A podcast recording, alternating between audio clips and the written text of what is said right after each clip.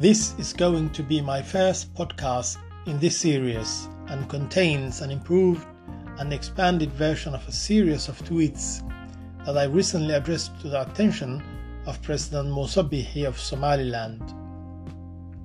My name is Awais Omar Mahmoud.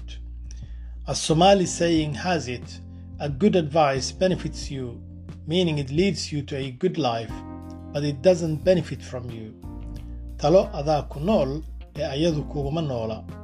Can President Musa Bihi of Somaliland rectify two fundamental errors of misjudgment made at the SNM and Supporters Conference held in Bur'o in the months of April and May 1991, in which Somaliland independence and the end of unity with Somalia was declared.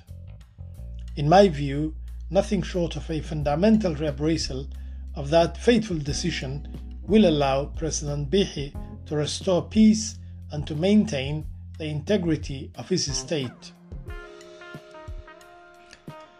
But before I spell out what these errors were, let me first declare an interest here that may not be popular at this moment because of the ongoing Somaliland government's military assault on Las Anod and the resultant death, destruction, and displacement of its civilian population.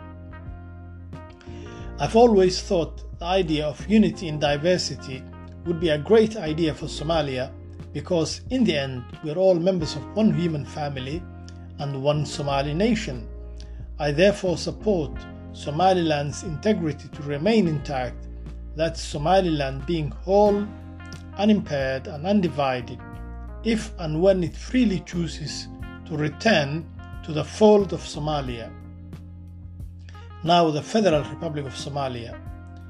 Of course, after what happened in Las Anod, Somaliland's got to do a lot to achieve this desirable end result. Let's remind ourselves that the SNM at its inception had a unionist, nationalist constitution. The Independence Declaration arrived at the Bur'o Conference came about under the leadership of Abdurrahman Ahmad Ali Tur, the then leader of the SNM, who became the first president of Somaliland. For those of us who can remember, we know that President Abdurrahman Ahmad Ali Tur took a heroic decision to renounce the separatist platform in 1994 and instead began to publicly seek and advocate reconciliation with the rest of Somalia under a power sharing federal system of governance. I am going off on a tangent here, but as an ordinary citizen, may I suggest that one of the institutions in the inner sanctum of Somali political power in Mogadishu is renamed after him in honor of his decision to renounce separatism and call for unity. This will be in keeping with precedent. The Ministry of Planning, Investment and Economic Development of Somalia's headquarters in Mogadishu has been named after former Foreign Minister Hussein Elabe Fahie, who was killed in a suicide car bombing near the presidential palace, Villa Somalia, on the 22nd of May 2019. Both former Somaliland President Abdurrahman Ahmad Ali Tur and former Foreign Minister Elabe were Northerners of the post colonial Union generation. The Northerners were great teachers and school principals, educators, civil servants, military officers, and outstanding leaders of Somalia. We need them back to right where they belong, in the heart of a united Somali political, social, economic, and cultural order.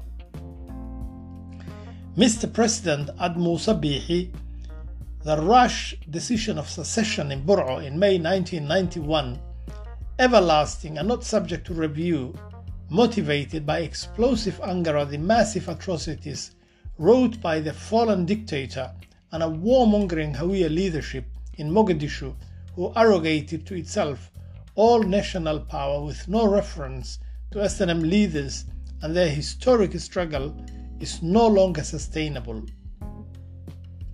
That decision had far reaching detrimental consequences on the language and political attitudes of your people towards the rest of the people of Somalia.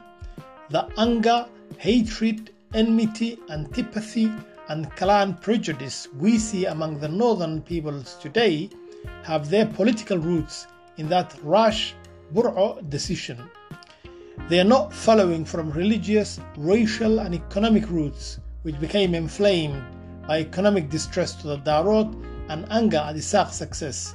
No, the roots of the hate and discontent are political, a rejection of separatism. Your arm's massive overreaction and assault on Las Anod, shooting marchers dead and shelling by artillery with hundreds killed, are war crimes against agreed international rules of war. The perpetrators of these vicious crimes must not be allowed to escape responsibility. The doyen of separatism, Madame Edna Adan Ismail, recently appeared on video expressing her deep love for the people of Las Anod. The question must be asked what role did Edna play in creating the hostility as expressed in sentiments, attitudes, or actions towards the people of the rest of Somalia as a collectivity that became rooted in the general Somaliland population following the Bur'a Secession Declaration. Core human values such as love, peace, justice, and kindness all boil down to one basic principle they are indivisible. You cannot love the Dulbahante if you do not love the people further down the territory based on a 19th century European colonial demarcation line whose sole aim and modus operandi was establishing control over the indigenous people of the area for resource exploitation.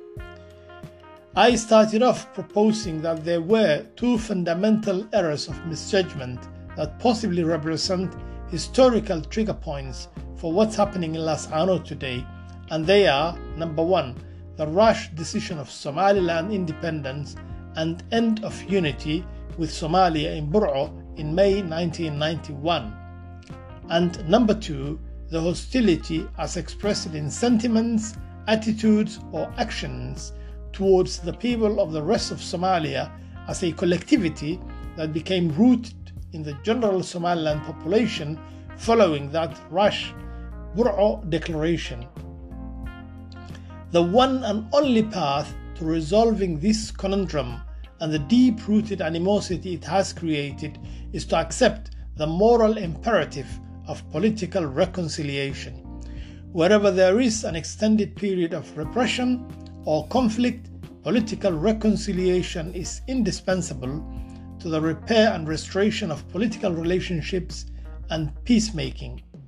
Mr. President Ad Musa Bihi, your arms assault on the people of Las Anod is inflicting enormous suffering, causing intense upheaval, and will be leaving in its aftermath an overwhelming catalogue of issues for the people in the north, your people, to address and to hopefully amicably resolve. That's why, as a concerned Somali national living here in London, I'm calling on you, Mr. President, Atmo Sabihi, to exercise your presidential prerogative and reconsider that rash decision of secession taken in Bur'o, Togdere, some 32 years ago. Thank you for listening.